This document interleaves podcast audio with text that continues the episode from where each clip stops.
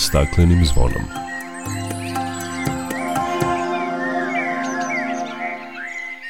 Dobar dan, dobrodošli na Zeleni talas prvog programa radija Radio Televizije Vojvodine. Ja sam Dragana Ratković. U svom novom izveštaju Međuvladin panel za klimatske promene pri Ujedinjenim nacijama dao je ozbiljno upozorenje, navodeći da je svet blizu nekontrolisanog zagrevanja, zašto su nedvosmisleno krivi ljudi. Čućete šta sadrži izveštaj i kakve poruke nosi svetskim liderima u oči samita o klimi u Glaskovu. U Novom Sadu održana je tribina Urbani biodiverzitet kontekst pčele, kao deo projekta Gradske biblioteke Novi Sad biodiverzitetski grad. Govorit ćemo o urbanim pčelama i njihovom značaju za biodiverzitet i ljude i kako ih sačuvati. Za poboljšanje životne sredine, unapređenje biodiverziteta u gradovima u svetu se uveliko koriste razne ekološke alternative. Čućete koje rešenja za to planira grad Novi Sad. Toliko u najavi, opširnije nakon pozdravne pesme. Dok kraj nas plače Za vladarskim svojim tronom.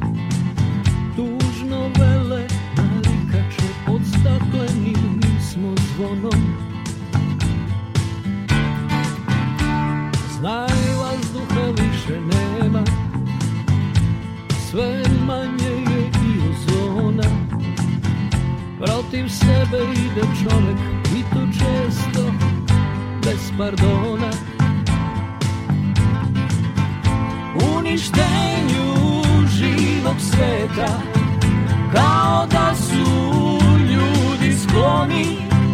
Čovek sam je sebi meta Zbog njega ovo zvono zvoni Uništenju živog sveta Kao da su ljudi skloni Čovek sam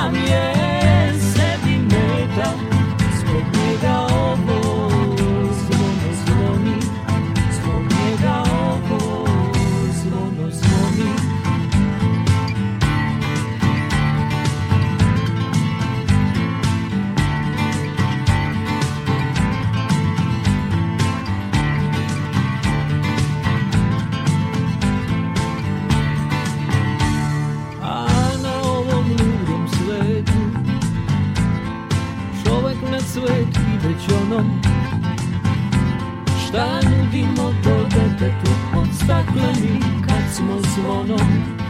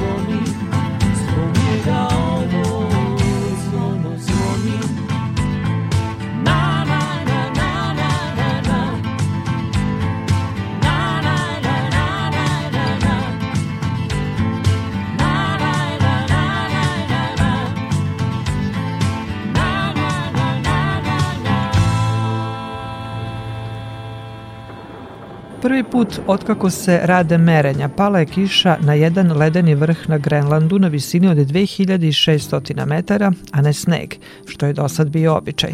Temperature na Grenlandskom vrhu popele su se iznad nule treći put za manje od 10 godina. Topao vazduh donao je jaku kišu koja je izručila 7 milijardi tona vode na ledenu površinu.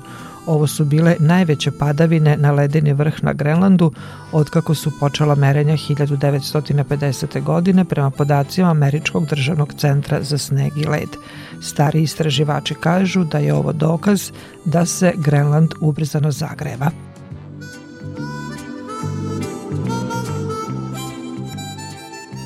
Uviđajući značaj problema klimatskih promena, Svetska meteorološka organizacija i program Ujedinjenih nacija za životnu sredinu su još 1988. godine osnovali međuvladin panel za promenu klime, čije je sedište u Ženevi.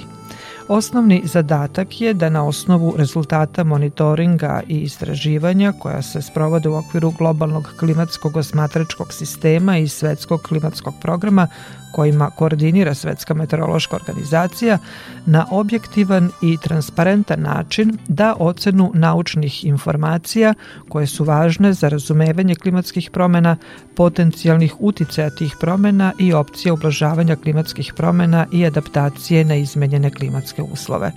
U radu Međuvladinog panela za klimu učestvuje preko 2500 naučnika i stručnjaka iz čitavog sveta koji u skladu sa usvojenim procedurama učestvuju u pripremi izveštaja, metodologija i uputstava koji čine stručno-tehničku osnovu za sprovođenje okvirne konvencije Ujedinjenih nacija o promeni klime.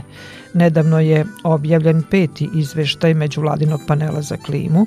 O njemu se priča mnogo ovih dana, a šta sadrži, to će nam reći moj sagovornik, profesor dr. Vladimir Đurđević, klimatolog sa Fizičkog fakulteta u Beogradu. Vladimire, dobrodošli na Zeleni talas Radio Novog Sada. Dobar dan i hvala na pozivu. Međuvladin panel za klimu objavio je nedavno novi izveštaj, kažu reč je o najvećoj studiji o klimatskim promenama do sada. Naučnici su pregledali, kažu, više od 14.000 naučnih radova i prema nekim prvim informacijama koje smo čuli, dali su jedno ozbiljno upozorenje, odnosno izveštaj je dao jedno ozbiljno upozorenje navodeći da je svet blizu nekontrolisanog zagrevanja zašto su nedvosmisleno krivi ljudi. Šta sadrži ovaj izveštaj? Kao što ste rekli, izveštaj je jedan sveobuhvatni dokument u kome su iznete bukvalno sve činjenice i korpus poznatog stanja koje se tiče klime na našoj planeti i generalno opštih uslova koji trenutno vladaju u smislu toga kako izgleda taj naš klimatski sistem i kako klimatski sistem reaguje na to što ljudi rade ovoj planeti, a prvenstveno kada postavimo to pitanje šta ljudi rade u ovoj planeti po pitanju klimatskih promjena jeste koncentracija ugljen dioksida u atmosferi, odnosno koliko se ona povećala od početka industrijske revolucije do danas, kako je planeta reagovala na to, koliko se zagrela i šta iza tog zagrevanja sve stoji u smislu ovih ekstremnih događaja koji u stvari privlače najviše pažnje. Ekstremni klimatski i vremenski događaji su u stvari ti događaji koji nam u stvari pokazuju koliko su klimatske promene vrlo složen, komplikovan problem koji nas muči, malte ne svakodnevno, a verovatno će nas mučiti još više u budućnosti. Tako da u tom smislu sadržaje neka vrsta, da kažem, zbirnog znanja o svemu ovome na način da sami istraživači koji učestvuju u pisanju ovih izveštaja ne rade nikakva dodatna istraživanja, nego ceo izveštaj je baziran na tome što je do, do nekog trenutka publikovano u naučnim radovima. I s te strane danas je naše znanje o klimi možda i malo šire nego što je u samom izveštaju, pošto postoji vremenska granica do koje se objavljeni naučni radovi koriste da bi se izveštaj pisao. Tako da u ovom slučaju granica je u stvari bila negde pre dve godine. Svi radovi koji su objavljeni u zadnje dve godine nisu uzeti u obzir, zato što u jednom trenutku mora jednostavno da podvučite crtu i da napravite taj spisak materijala koji ćete vi da koristite za pisanje izveštaja. Tako da to je jedna mala zamerka recimo u ovom svetu naučnika da, zašto izveštaji nekako nisu responsivniji u smislu da, da uključuju i taj još možda neka novija znanja znanja koje imamo, ali generalno u principu to je to. Znači to je bukvalno sve što trenutno znamo o klimi i o našoj planeti u smislu klimatskih promjena i, i problema vezanih za klimatske promjene. Ako još uzmemo i ove najnovije dešavanja i pretpostavljam da su i umeđu vremenu objavljeni neki drugi naučni radovi da bi taj izveštaj možda bio još rigorozniji, jer po svemu sudeći temperature rastu i mnogi veruju da će porast temperature od 1,5 stepena Celzijusa doći mnogo ranije nego što je planirano. To jeste jedan od zaključaka, iako su prethodni izveštaji koji su isto objavljivani još od 1992. godine upozoravali na istu stvar, svi su se nadali na neki način možda potencijalno da će te najdramatičnije promene i najdramatičnije efekti klimatskih promena biti možda pomereni malo više u budućnost, tako da ćemo se možda malo kasnije sočiti sa, sa njima, međutim, realnost nas demantuje, mada kažem opet ako se pogledaju svi ti izveštaji koji su prethodno objavljivani, jasno se vidi da u stvari mi danas smo svedoci onoga što su nekada bila predviđenja, tako da i ta očekivanja u smislu da, da, da ćemo možda imati malo više vremena da reagujemo na taj problem više bila onako nerealna ili na neki način možda subjektivna, a ono što, što nas demantuje jesu činjenice i brojevi koji jednostavno su nam u prošlosti ukazivali na to da će posle prvih par decenija 21. veka klimatske promene da budu jasno vidljive i da će posebno biti vidljivi u domenu tih ekstrema. Nismo možda dovoljno poverovali u to da će nam se tako brzo desiti. Pomenuli ste te ekstremne e, događaje ovog leta, bilo ih je zaista mnogo od velikih požara do poplava, bujice i tako dalje, posebno veliki požari u Grčkoj Turskoj gde je bilo i obilnih padavina, a upravo međuvladin panel o klimatskim promenama jasno je ukazivao da će evropski Mediteran nastaviti da bude izložen tim ekstremnim vremenskim promenama sa katastrofalnim posledicama poput ovih požara koje smo imali. Da, upravo tako, ako, ako se vratimo još i mnogo dalje u prošlost, odnosno na to što je objavljivanje prvog izveštaja 1990. godine i odemo na kraj 70. i početak 80. jedna od prvih regija koja je dobila tu neslavnu titulu takozvane vruće tačke klimatskih promjena je bio Mediteran, tako da je Mediteran odavno bio označen kao region koji treba da očekuje prvenstveno smanjenje padavina i mnogo sušnije uslove, a posle toga i taj problem koji je vezan za visoke temperature, dugotrajne topšte talase, učestale topšte talase, tako dalje. Tako da su to sve bili indikatori da će region biti pod rizikom od nastanka tih velikih požara, da požari su bili prisutni i u, i u prošlosti, ali problem je što trenutni vremenski uslovi najčešće u tim oblastima su, da kažemo, u toku leta prilično suvi sa jako visokim temperaturama i ti uslovi u stvari pripreme scenu da nešto što bi možda bio neki manji požar u prošlosti ili relativno da kažem veliki u stvari postane drastično uh, pogubniji za neku oblast uh, zahvati mnogo veću površinu, mnogo brže se širi, mnogo duže traje, mnogo ga je teže kontrolisati i tako dalje. Jednostavno danas smo dobili, da kažem, serviranu porciju klimatskih promjena koja je odavno bila naručena i moramo to da prihvatimo i da pronađemo načina da se sa tim izborimo i da nekako probamo da umanjimo sve te negativne efekte. Pomenuli smo područje Mediterana, a šta je sa Balkanom? Mi smo na granici sa Mediteranom, mi projekcije za naš region se ne razlikuju puno od tih projekcija za mediteranski region, čak šta više možemo slobodno reći da delimo sličnu sudbinu. U našem regionu je takođe slična situacija po pitanju toga da li i kako vidimo klimatske promene. Kod nas se isto uvećao drastično broj tih najrazličitih ekstrema koji dovode do tih nezgodnih situacija. Mi isto imamo više nego duplo toplotnih talasa nego što smo ih imali u prošlosti, oni su postali intenzivniji, imamo problem sa ekstremnim padavinama, znači za vrlo kratko vreme količine kiša su mnogo veće, da kažem, ili značajno veće nego što su bile u prošlosti, što stvara problem bujičnih poplava. S druge strane, opet vidimo da u našem regionu isto leta su sve češće sušna, suše postaju duže, intenzivnije. To se ne dešava kontinualno iz godine u godinu u smislu da, da je svaka godina malo, da kažem, gora od prethodne, ali kad pogledamo zadnjih desetak, 20 godina vidjet ćemo da se učestalo takvih događaja njihov intenzitet drastično promenio u odnosu na nešto što je bila klima sredine 20. veka, tako da da kažemo opet Mediteran i jugoistočna Evropa dele jednu istu sudbinu po tom pitanju e, i u tom smislu nažalost mi smo jedan od tih regiona gde, gde su te stvari malo bolje vidljivije možda nego u nekim dru, drugim delovima sveta gde su posledice možda malo drastičnije. Izveštaj međuvladinog panela za klimu objavljen je samo nekoliko meseci pre ključnog samita o klimi u Glazgovu. Kakvu poruku izveštaj nosi svetskim liderima koji će se sastati na samitu COP26? Da, poruka je slična kao i u prethodnim izveštajima, to je da trebamo da, da reagujemo što pre i da jednostavno trebamo ovaj problem da shvatimo ozbiljno, da shvatimo odgovorno, da se odnosimo prema njemu, da shvatimo razmere problema koje nas potencijalno čekaju u budućnosti, da nemamo više vremena da promišljamo i razmišljamo kakav i koji put ćemo odabrati, trenutno postoji samo jedan put, a to je ta ubrzana dekarbonizacija celokupnog globalnog društva, znači na, apsolutno napuštanje fosilnih goriva. Meni se samo čini da možda ovaj izvešte pokušava da nekako jače podvuče ili da, da, kako se kaže, da bolduje tu poruku, znači da ta poruka onako ostane duboko urezana svima u glavi, jer to je očigledno jedini put kako ćemo se s ovim problemom, da kažem, odnositi u smislu da ćemo ga zadržati u nekim okvirima koji su prihvatljivi. Mi jednostavno imamo taj problem ispred sebe, taj problem neće nestati, u budućnosti će verovatno stvari još malo eskalirati, ali mi jednostavno ipak imamo i dalje šansu da neko taj problem ipak ostane u nekim granicama koje nam dozvoljavaju da možemo da sve te probleme, da kažem, da se prilagodimo i da probamo maksimalno da umanjimo sve te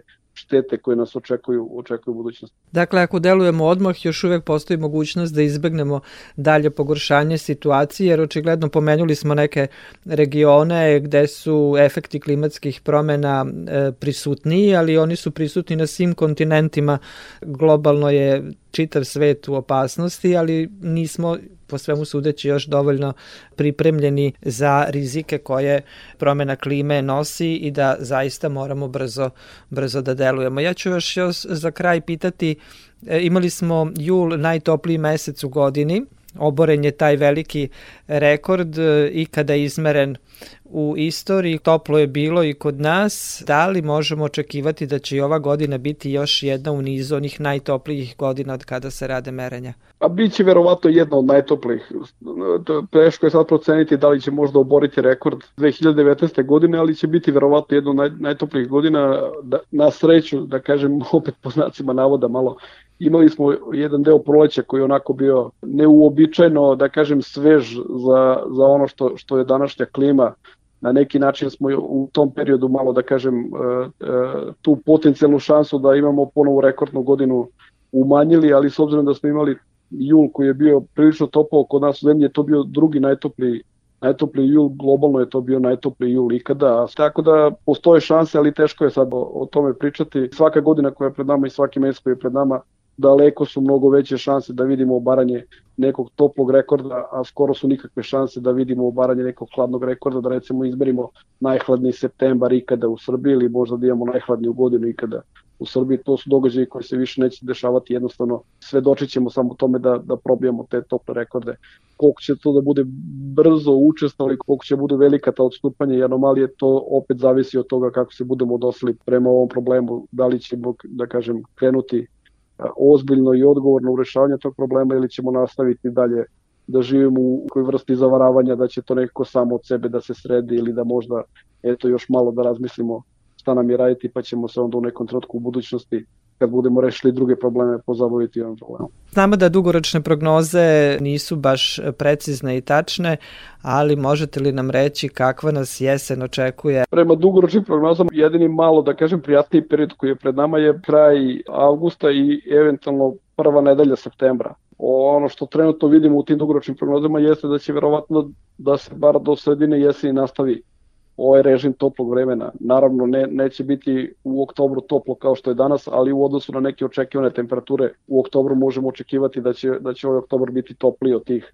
višegodišnjih proseka. Da još jednom se potvrđuje dakle da su klimatske promene ovde na delu i kod nas. Vremena za izgovor zaista više nemamo, nema vremena za odlaganje i nema mesta za izgovore, zaista se mora nešto preduzeti kako bi se mogli e, e, adaptirati i prilagoditi na klimatske promene i barem ako možemo da ih usporimo, a zaustaviti sigurno to ne može, za to je već kasno. Apsolutno, slažem se sa svime što ste rekli. Upravo tako jednostavno više nema vremena i trebamo da krenemo u, u čvrstu i odlučnu akciju, a ne više da, da vodimo rasprave da li promene postoje, ne postoje, koje su najbolje rešenje i tako dalje. Znamo sve što treba da uradimo, jednostavno trebamo da počnemo da se bavimo svime time. Profesore Đurđeviću, hvala vam lepo za razgovor i učešću u programu Radio Novog Sada. Hvala vam.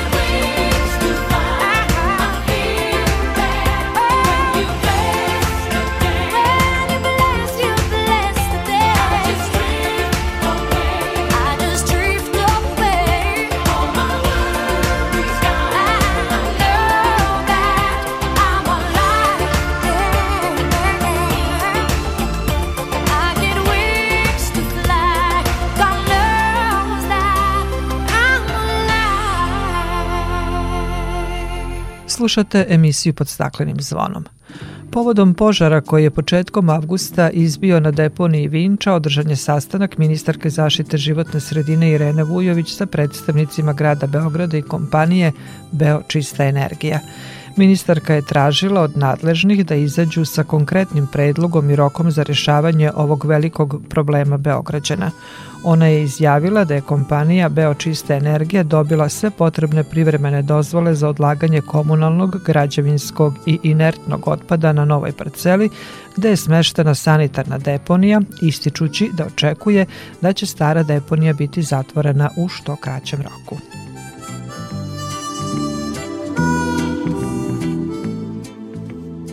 A od kada je polovinom maja omogućeno elektronsko prijavljivanje divljih deponija, Ministarstvu poljoprivrede je stiglo 149 prijava za divlje deponije na poljoprivrednom zemljištu i 109 prijava uzurpacije i podzakupa državnog poljoprivrednog zemljišta. Najveći broj prijavljenih divljih deponija je u Vojvodini, 94, iz centralne Srbije stigla 31 prijava, dok se 24 prijave odnose na deponije na području Beograda. Ministarstvo navodi da su sa teritorije Vojvodine prijave stigle iz Rume, Žitišta, Plandišta, Sremske Mitrovice, Sombora, Zrenjanina i Kovačice.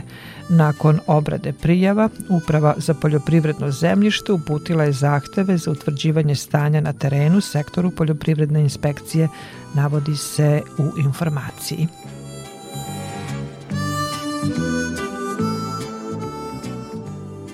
Ministarstvo zaštite životne sredine nastavlja sa praksom dodale nove opreme za korišćenje lokalnim samoupravama u Srbiji kako bi se unapredio kvalitet života građana. Ono je obezbedilo ove godine za 34 lokalne samouprave različitu opremu kao što su kante, kontejneri i čistilice. Akcija se sprovodi u cilju napređenja upravljanja otpadom, što je jedan od prioriteta ministarstva, izjavila je posebna savjetnica Sara Pavkov, koja je ispred Ministarstva zaštite životne sredine u Irigu, Srbobranu i Temerinu sa predstavnicima tih lokalnih samouprava potpisala ugovore o ustupanju opreme njihovim javnokomunalnim preduzećima. Irig, Srbobran i Temerin preuzeli su 365 kanti i 200 kontejnera.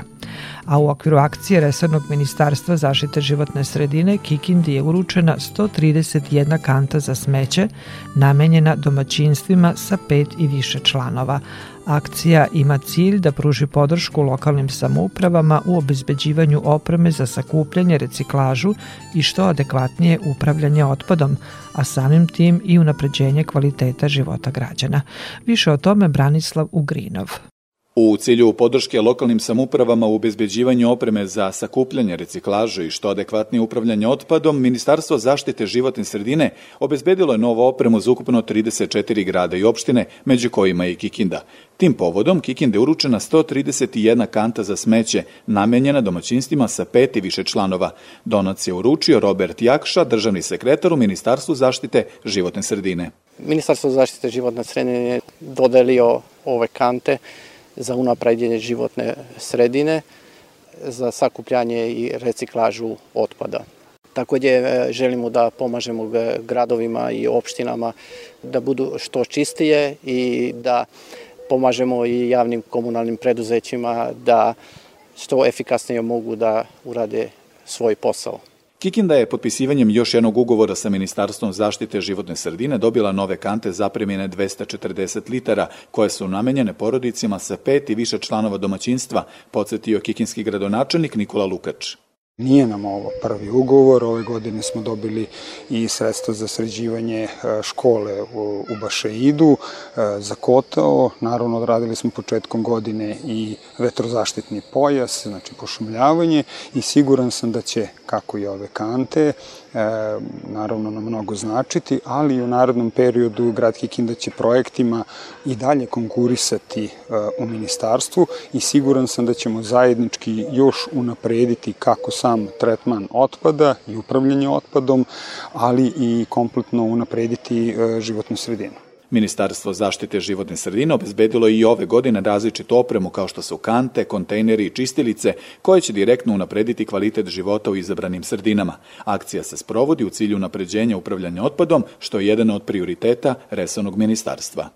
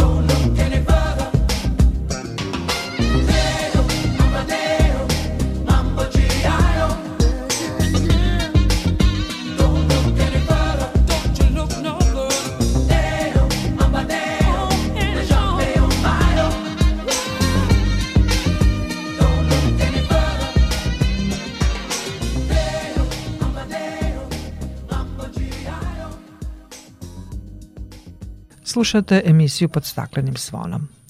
Gradska biblioteka u Novom Sadu pokrenula je u maju projekat Novi Sad biodiverzitetski grad koji je deo šireg evropskog poduhvata eksperimenti angažovanja u bibliotekama u koji je uključeno 16 većih javnih biblioteka u gradovima Evrope. Projekat prati održive ciljeve Agende 2030 Ujedinjenih nacija i ima za temu očuvanje biodiverziteta i razvoj održivih gradova. Gradska biblioteka u Novom Sadu kao jedina biblioteka iz zemlje koja nije članica Evropske unije uključila se sobstvenim projektom upravo u vreme kada Novi Sad preuzima titulu Evropske prestonice kulture. U okviru tog projekta u Novom Sadu održana je tribina Urbani biodiverzitet kontekst pčele. Tim povodom gošća emisije pod staklenim zvonom je biolog zaštite životne sredine Jovana Bila Dubajić iz Centra za biologiju pčela Biološkog fakulteta Univerziteta u Beogradu. Jovana, dobrodošli na Zeleni talas Radio Novog Sada. Dobar dan, hvala na pozivu. Često ističemo značaj pčela i ja bih vas na početku zamolila, mada o tome e, često govorimo, da nam kažete koliko su pčele zaista važne za prirodu i ljude. Da, ja kad kažem da su pčele važne, moramo prvo da razgraničimo šta je to uopšte. Kad kažemo pčele, na šta mislimo? Zato što većina ljudi pomisli na medonosnu pčelu, Međutim, ta reč pčela je u stvari mnogo više od te jedne vrste koja je realno nama ljudima najpoznatija. Sa njom smo najduže u kontaktu, ali moram uvek da naglasim da na svetu postoji jako puno pčela i sve su one važne. Možemo da pričamo o tome zašto su važne. Ono što je nama ljudima možda onako najočiglednije, te sve pčele učestvuju u oprašivanju biljaka.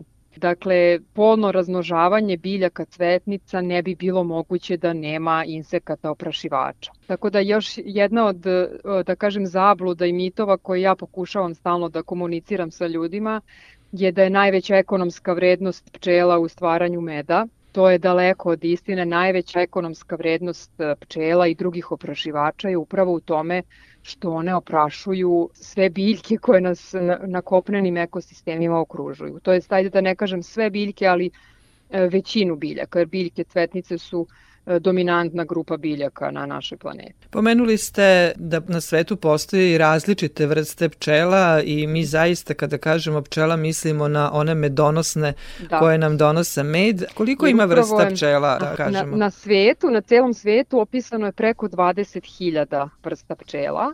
Od toga samo sedam vrsta, znači sad pričam na svetu, samo sedam postoji medonosnih. A ako pričamo o Evropi, na evropskom kontinentu postoji oko 2000 različitih vrsta i onda možemo da sad kažemo i za našu zemlju, to je ono što možda najviše ljude zanima, U Srbiji ima oko 850 različitih vrsta pčela, od toga je medonosna pčela samo jedna vrsta. Ključ uspešnog oprašivanja, znači da bi imali kompletno oprašivanje moramo da imamo različite vrste pčela. Kao što imate različite biljke, imate i različite pčele koje oprašuju te biljke. Tako da je, da kažem, jako važno da kada govorimo o zaštiti pčela ne pričamo samo o toj jednoj vrsti, nego da upravo zaštitimo sve vrste. Mi ovde pričamo o urbanom biodiverzitetu i urbanim pčelama, a koji je njihov značaj za, za biodiverzitet? Znamo da se danas gradovi sve više šire, to ne možemo da ni zaustavimo ni da sprečimo. Ono što možemo da uradimo je da shvatimo da se i gradovi moraju uključiti, da kažem tu svetsku krizu pada e, biodiverziteta i možemo da se potrudimo da naši gradovi kako se razvijaju, da se ipak razvijaju u skladu sa prirodom. Tako da pogoduje i nama ljudima, a i e, sveukupnom živom svetu koji nas okružuje. Tako da koji je značaj? Postoje mnoge studije, to je ono što većina ljudi ne zna, da su poljoprivredni predeli sada postali u stvari jako loše mesto za život pčela, što je potpuno absurdno jer su nam pčele potrebne da opraše svu tu hranu koju jedemo. Danas kako se poljoprivreda odvija uz prekomernu upotrebu pesticida, uz razvoj monokultura na ogromnim prostranstvima, to je sve jako štetno za pčele, tako da su uvideli da gradovi koji, koji imaju jako puno različitih vrsta pčela poljoprivredni predeli u okolini takvih gradova imaju koristi od te zajednice pčela, jer te pčele ipak odlaze onda i u poljoprivredne predele da oprašuju. Obično pčele vezujemo za prirodu, za biljke, yes. za šume i tako dalje i da. sad ispada da u stvari utočište da. pčele traže u urbanim sredinama. Baš tako. To je ono što je najviše zbunjujuće kada ja kažem da, pošto e, gradovi su uglavnom, znači nastaju na račun prirodnih staništa. Prirodna staništa se uništavaju, imamo urbanizaciju, znamo kako to ide i za većinu stvarno živih organizama urbana sredina nije povoljna, međutim, za pčele, ukoliko samo malo povedemo računa o nekoliko stvari, možemo pričati koje su to stvari, gradovi mogu biti bukvalno oaze i refugijumi, baš tako kako ste rekli. Ono što je svim pčelama potrebno je, dve su stvari u pitanju, to je hrana i mesto za gnežđenje. Ako im to obezbedimo, one će moći da se suoče i sa klimatskim promenama i sa zagađenjem i sa svim drugim pritiscima koje smo na njih stavili mi ljudi, tako da postoje jednostavna rešenja, mi smo se na tribini dosta o tome pričali. Pomenuli smo i takozvana prirodom inspirisana rešenja, povezivanje prirode u gradovima, e, na koje sve načine, kako bi, na koji način da održavamo te zelene površine u gradovima, da podstaknemo biodiverzitet. Ne samo pčele, nego i sve druge ovaj, organizme koje, koji tu žive. 850 vrsta pčela mm -hmm. živi kod nas, od toga jedna medonosna. Koliko njih živi u gradovima? E, ja nemam podatak recimo za Novi Sad ili moje područje istraživanja je Beograd. Beograd i okolina koja pripada Beogradu ima oko 250 različitih vrsta pčela. To je jako, jako veliki broj u stvari vrsta kojih uopšte nismo svesni. E, ljudi u stvari nisu navikli da posmatraju svoje okruženje. Mene često pitaju gde su sad sve te vrste. Ljudi se dosta i plaše insekata i uglavnom primećuju neka velika gnezda, to su uglavnom neki socijalni insekti koje mi primetimo. Recimo, ne postoji osoba koja neće primetiti gnezdo stršljana toga se plašimo, to su velika gnezda sa puno odraslih jedinki koje ovaj, tu nešto rade oko gnezda, a nismo navikli da posmatramo cveće, da posmatramo zemljište, a da smo, da kažem, malo više, ovaj, da nam je oko izdrštreno, videli bi da su pčele, u stvari ove nemedonosne pčele svuda oko nas, One se gnezde, e, kopaju tunele ispod zemlje, gnezde se recimo u mrtvom drvetu, kada imate neko mrtvo drvo, to je blago biodiverziteta. Ranije se to smatralo e, kada vidite mrtvo stablo, trulo, to je kao leglo zaraze, odma treba ukloniti. Naravno, ako se ne radi o nekoj bolesti, ako se radi o prirodnom jednom sušenju nekog stabla koje je završilo svoju karijeru, to postaje blago za mnogi insekte. Rekli ste da je za opstanak pčela u urbanim sredinama važno da imaju smeštaj i hranu. Mm -hmm. Mi imamo onaj termin medonosne biljke, to je onako opet e, termin koji uh, vuče e, da pomislimo odmah na medonosnu pčelu i na med biljke koje su adekvatne za oprašivača, ajde tako da kažem. To su sve biljke koje privlače oprašivače stvarajući nektar jer sve pčele se hrane nektarom i sakupljaju polen za svoje potomke. Šta je to što je pčelama potrebno? One su, znači, vez, hrana im je vezana za medonosne biljke i svako od nas, ukoliko ima baštu ili čak ne mora ni baštu, terasu, prozor, dovoljno je da prilikom izbora biljaka ne gleda samo estetski da li mu se neka biljka sviđa, nego da vidi da li je ta biljka medonosna. Ako želimo da pomognemo pčelama, to ne mora mnogo da nas košta, ne moramo ići u rasadnike i kupovati medonosne biljke.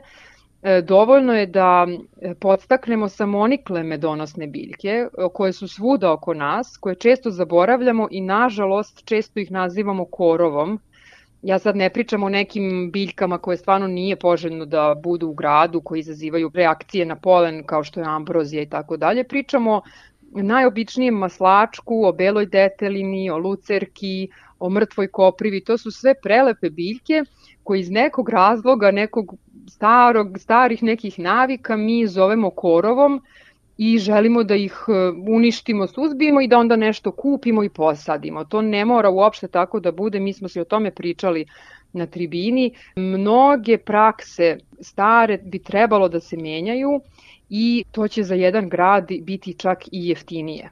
Pričali smo i o košenju, o prekomernom košenju, šta to znači za jedan travnjak. Pričali smo baš to o biljkama koje pogoduju pčelama, da treba birati biljke koje su prirodno rasprostranjene u našoj zemlji. Tako da je čitava priča o biodiverzitetu u gradovima u stvari da se vratimo onome što prirodno živi ovde, da ne budemo previše uredni, da malo budemo lenji baštovani, da se ne plašimo ovaj, malo visoke trave, jer upravo je ta preterana urednost, preterana potreba da nešto uredimo dovela do toga da jako malo organizama i može da živi u jednom gradu. Obično kad odemo negde u inostranstvo dolazimo sa slikom i pričom kako su ti gradovi uređeni, kako je pokošena trava i kod nas e, imamo e, pa, zakorovljene da površine i Mo... nepokošene e, površine e, koje... E pa sad ću da, to, da, to, to je isto jedna od tema koje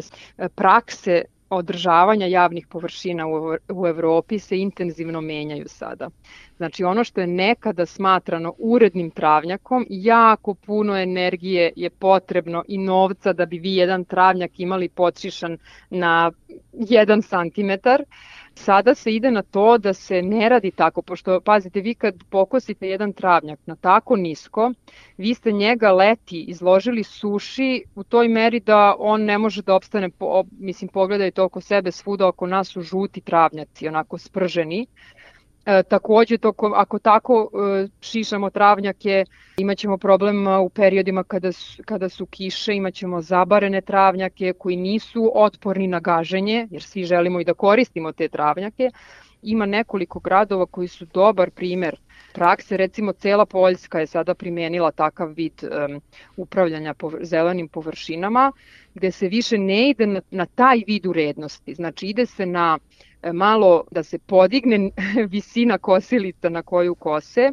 Znači nije poenta da mi sad pustimo neku površinu da bude zapuštena. To niko ne želi. Ali ne tako Nego da često da se, košenje otprilike. Tako je, znači da se podstaknu vrste koje cvetaju na jako niskoj visini. Recimo bela detelina, ona cveta već na 2 cm visine. To je divna biljka, medonosna biljka, mekana, Znači na takvom travnjaku može da se sedi i kada se uspostavi takav jedan travnjak, vi tu nećete imati ni ambroziju ni neke druge vrste. Znači prosto to će biti jedan stabilan, samoodrživ jak travnjak koji neće dozvoliti drugim biljkama. Ambrozija se razvija na mestima gde nemate, da kažem, zdrav travnjak. Te zapuštenim obično, površinama. Možda jeste, na zapuštenim. Tako da ukoliko se malo potrudimo da napravimo te jake biodiverzitetne e, travnjake, mi ćemo imati mnogo manje da kažem, potrebe da, i, da bilo šta sa njima radimo u tom smislu održavanja, košenja, tretiranja i tako dalje, a bit će lepi i vrlo korisni,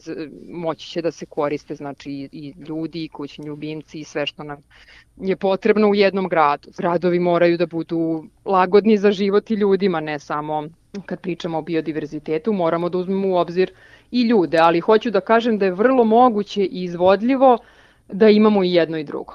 Dakle, samo malo više prirodnosti, ni u samoj prirodi, ako izađemo u prirodu, nemamo tako uredno podšišanu travu, nego samo malo prirodnosti da pustimo u naše yes. urbane sredine, to će biti dovoljno da sačuvamo pčele i druge vrste životinja koje žive u gradovima. Ovo je bila zaista zanimljiva priča i mnogo toga smo naučili, a ono što je na kraju važno da upamtimo da zaista od pčela zavisi opstanak zdravih ekosistema i na početku smo yes. rekli opstanak ljudi i životinja, opstanak sveta koji poznajemo. Ja vam se zahvaljujem na razgovor i učešću u našoj emisiji jer zaista smo čuli neke zanimljive podatke o pčelama koje nismo znali jer mi kada pričamo o pčelama mislimo na medonosne pčele. Hvala, Hvala vam još jednom. Hvala vam puno na pozivu. Hvala vama.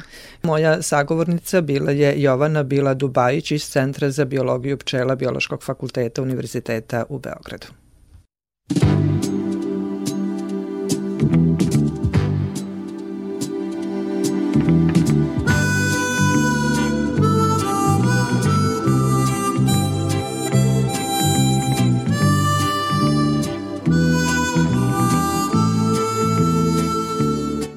Slušate emisiju pod staklenim zvonom. Grad Leicester u Engleskoj pokrenuo je ekološku inicijativu pčelinih stanica. Naime, oni su na krovove 30 autobuskih stajališta posadili divlje cveće i zelenilo. Osim što su ovi krovovi idealna mesta za pčele, prečišćavaju vazduh i podržavaju biološku raznolikost grada. Čelni ljudi grada najavili su da će nastaviti sa ovim projektom i da postoji desetogodišnji plan u čijem je fokusu stvaranje ekoloških alternativa koji će poboljšati i unaprediti biodiverzitet u samom gradu i okolini. Planirano je da sva autobuska stajališta u ovom gradu budu oplemenjena biljkama, divljim cvećem i zelenilom kako bi postala utočište za pčele. Osim toga, na sva stajališta na koje je moguće biće postavljeni solarni paneli za osvetljenje grada. Ima li Novi Sad neki plan za unapređenje i očuvanje biodiverziteta? Pitanje je za moju gošću Biljanu Vrbaški iz Zavoda za urbanizam u Novom Sadu. Biljana, dobar dan i dobrodošli na Zeleni talas Radio Novog Sada. Dobar dan, bolje vas našla. Hvala puno na pozivu. Izuzetno mi je čast da govorim, ovaj, pogotovo na ovo jednu zanimljivu temu koja se tiče svih nas. Podizanje zelenila, planiranje zelenih površina, sve to doprinosi očuvanju i napređenju biodiverziteta u urbanim sredinama, ali evo čuli smo u svetu pribegavaju raznim rešenjima kao što smo čuli na primjer u Engleskoj. Da li Novi Sad ima neki plan koji bi bio neko rešenje da se biodiverzitet u gradu očuva i unapredi? Pa svakako, grad Novi Sad kao i grad Lester ima neke i godišnje i višegodišnje planove koji se tiču i projekata koji se odnose na posredni utice na biodiverzitet, ali i na neposredni uticaj na, na poboljšanje biodiverziteta na teritoriji grada i šire. Namera je po urbanizam grada Novog Sada na čelo sa gradonačelnikom Milošem Vučevićem je da se narednih godina da se zapravo poveća broj zelenih površina i procenat zelenih površina u gradu, a pritom je ovaj javno preduzeće Urbanizam započelo razne projekte koje u tom smeru ovaj, će značiti za poboljšanje biodiverziteta i povećanje broja zelenih površina. O kakvim projektima se radi? Znači, jedan od projekata za koje je započeta realizacija ove godine je izgradnja botaničke bašte. Naime, još 2007. godine je urađen urbanistički projekat za botaničku baštu. Ona je locirana u podnožju Petrovaradinske tvrđave iza ovaj, osnovne škole Jovan Dučić i zelene površine i ta botanička bašta ima mnogobrojne uticaje na grad Novi Sad i na našu životnu sredinu. Osim ovaj, zelenih površina i biodiverziteta imaće turističku funkciju, a imaće takođe i naučni značaj budući da su u realizaciju ovog projekta ovaj, uključen je jedan čitav multidisciplinarni tim koji uključuje i profesore sa našeg univerziteta, Prirodnog matematičkog fakulteta, inženjeri iz našeg zavoda, a radnom grupom predsedava koleginica Mira Radenović koja je član gradskog veća zadužena za poslove zaštite životne sredine. Tako da ovaj prosto jako je bitno da ljudi koji su operativci, koji su planeri, inženjeri sarađuju sa donosiocima odluka, jer to je jedini pravi način da se o, projekti ovakve vrste sa velikim uspehom realizuju. Tako da ja mislim da će to za Novi Sad biti jedan veliki plus, ili botanička bašta je jedan jako značajan i zanimljiv sadržaj koji će privući i ovaj stanovnike našeg grada, ali očekujemo i turiste koji imaju prilike da posete naš grad. Da, godinama se pričalo da će Novi Sad dobiti botaničku baštu, evo sada ta priča već dobija određene konture. Do kada je planirana realizacija? Radna grupa ovaj, trenutno ovaj, formira tender, znači javni poziv za izradu projektno-tehničke dokumentacije ovaj, za, iz, za izgradnju i uređenje, uređenje ovog prostora i računamo zapravo do kraja godine će on sasvim sigurno biti raspisan, ali ćemo videti onda uslovima tendera ovaj, koji će biti rokovi, ili ja se nadam u narednih par godina da će započeti realizacija. Naravno da ovaj, taj biljni materijal treba neko vreme da prođe da bi ovaj, on bio ovaj, u, u, u svojoj punoj snazi i da, da bi zaista ta bašta bila zaokružena, ali jako je bitno da smo mi sa konkretnim koracima krenuli već ove godine, tako da eto, projektno-tehnička dokumentacija bi trebala da se započne krajem godine, pa sad ovaj, nadamo se da će ta dinamika ići kako je predviđena. Radujemo se tome, sigurno će Botanička bašta doprineti unapređenju biodiverziteta grada, ali mnoge urbane sredine imaju svoje i urbane bašte. Da li postoje neki planovi da grad Novi Sad dobije svoje urbane bašte? Jeste, mi narednih par godina zapravo pratimo u svim segmentima ovaj, međunarodne iskustva i videli smo kakva je međunarodna praksa, ali smo evo tek uh, ove godine usvojen plan detaljne regulacije koji predviđa prostore, odnosno parcele na kome je u planskom dokumentu implementirano da je planirana urbana bašta. To je u stvari su jedne, to su e, parcele koje u svom ulaznom delu imaju prostor za parkiranje i onda ovaj preostali deo je razdeljen na neke manje celine, tako da ja ako želim da iznajmim taj deo neki bašte prostora gde želim da gajem recimo orkansku hranu ili začinsko bilje ili šta god, to mogu da uradim u skladu s važećim planovima, s važećim dokumentacijom, s važećim dozvolama, tako da se faktički sada ova ideja uobličila kroz neki formalno, pravno, planski oblik. Gde će biti taj prostor za urbane bašte? Taj prostor se nalazi zapadno od puta M7, to je izlaz ka autoputu iz našeg grada. Radi se o prostoru koji ima neka ograničenja vezano za energetske koridore, ali to zapravo nema nikakve negativne utice na rast biljaka, pa smo mi to želeli da spojimo lepo i korisno i da prosto prostor ima neku svoju ulogu koja je nova, koja je zanimljiva za korisnike, tako da ovaj, nadamo se da će i ovaj projekat zaživeti da na e, dobrobit i ljudi, ali i živog sveta koji živi u blizini e, samog grada. E, spomenuli ste nam divne planove, dakle botanička bašta, urbane bašta, da li nešto u Zavodu za urbanizam još planirate što bi moglo da unapredi biološku raznovrsnost grada? Grad Novi Sad je počeo sa aktivnostima ove godine, ali očekujemo će iduće godine ona imati malo veći zamak vezano za formiranje medonosnih polja.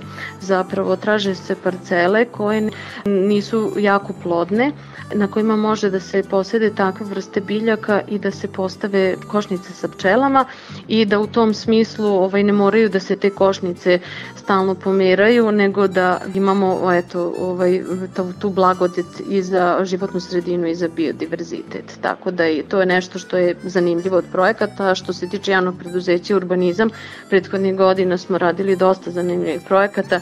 Radili smo analizu studiju zelenih krovova i zidova, Radili smo analizu Novi Sad inteligentni grad, radimo redovnu plansku i urbanističku dokumentaciju iz oblasti zaštite životne sredine, zaštita od buke, recimo je ovaj, karakteristična, tako da ovaj, ima tu sasvim sigurno dosta projekata ovaj, koji će unaprediti životnu sredinu. Drago nam je da je tako i da Novi Sad e, traži neka ekološka rešenja, neke ekološke alternative koji će poboljšati i unaprediti biodiverzitet u samom gradu i okolini. Biljana, hvala vam lepo za razgovor i učešću u programu Radio Novog Sada. Hvala vama najlepše, rado ćemo se uvek odazvati pozivu. Svako dobro, prijetno.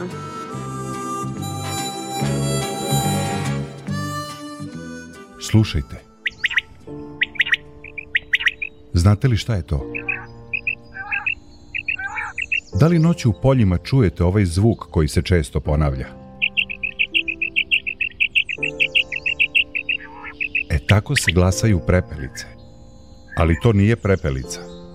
U pitanju je elektronska vabilica koja doziva prepelice u sigurnu smrt. Elektronske vabilice su zakonom zabranjeni uređaji koji koriste krivolovci za masovno ubijanje prepelica. Tokom avgusta i septembra, kada je sezona lova na prepelice, krivolovci na poljima širom Srbije postavljaju elektronske vabilice. Procenjuje se da na ovaj način strada više od 50.000 prepelica. Spasite prepelice. Prijavite vabilice. Prijavite korišćenje elektronskih vabilica policiji ili za savet pozovite Društvo za zaštitu i proučavanje ptica Srbije na broj telefona 021 302 33 61. Više informacija na sajtu pticesrbije.rs. Spasi prepelice. Prijavi vabilice. Došli smo do kraja emisije pod staklenim zvonom koju možete slušati i odloženo na podcastu Radio Televizije Vojvodine na adresi rtv.rs. Na pažnju vam zahvaljuju Jovan Gajić, Ivan Oženić, Zoran Gajinov i Dragana Ratković. Naredni susret zakazujemo za sedam dana u isto vreme na zelenom talasu prvog programa radija Radio Televizije Vojvodine.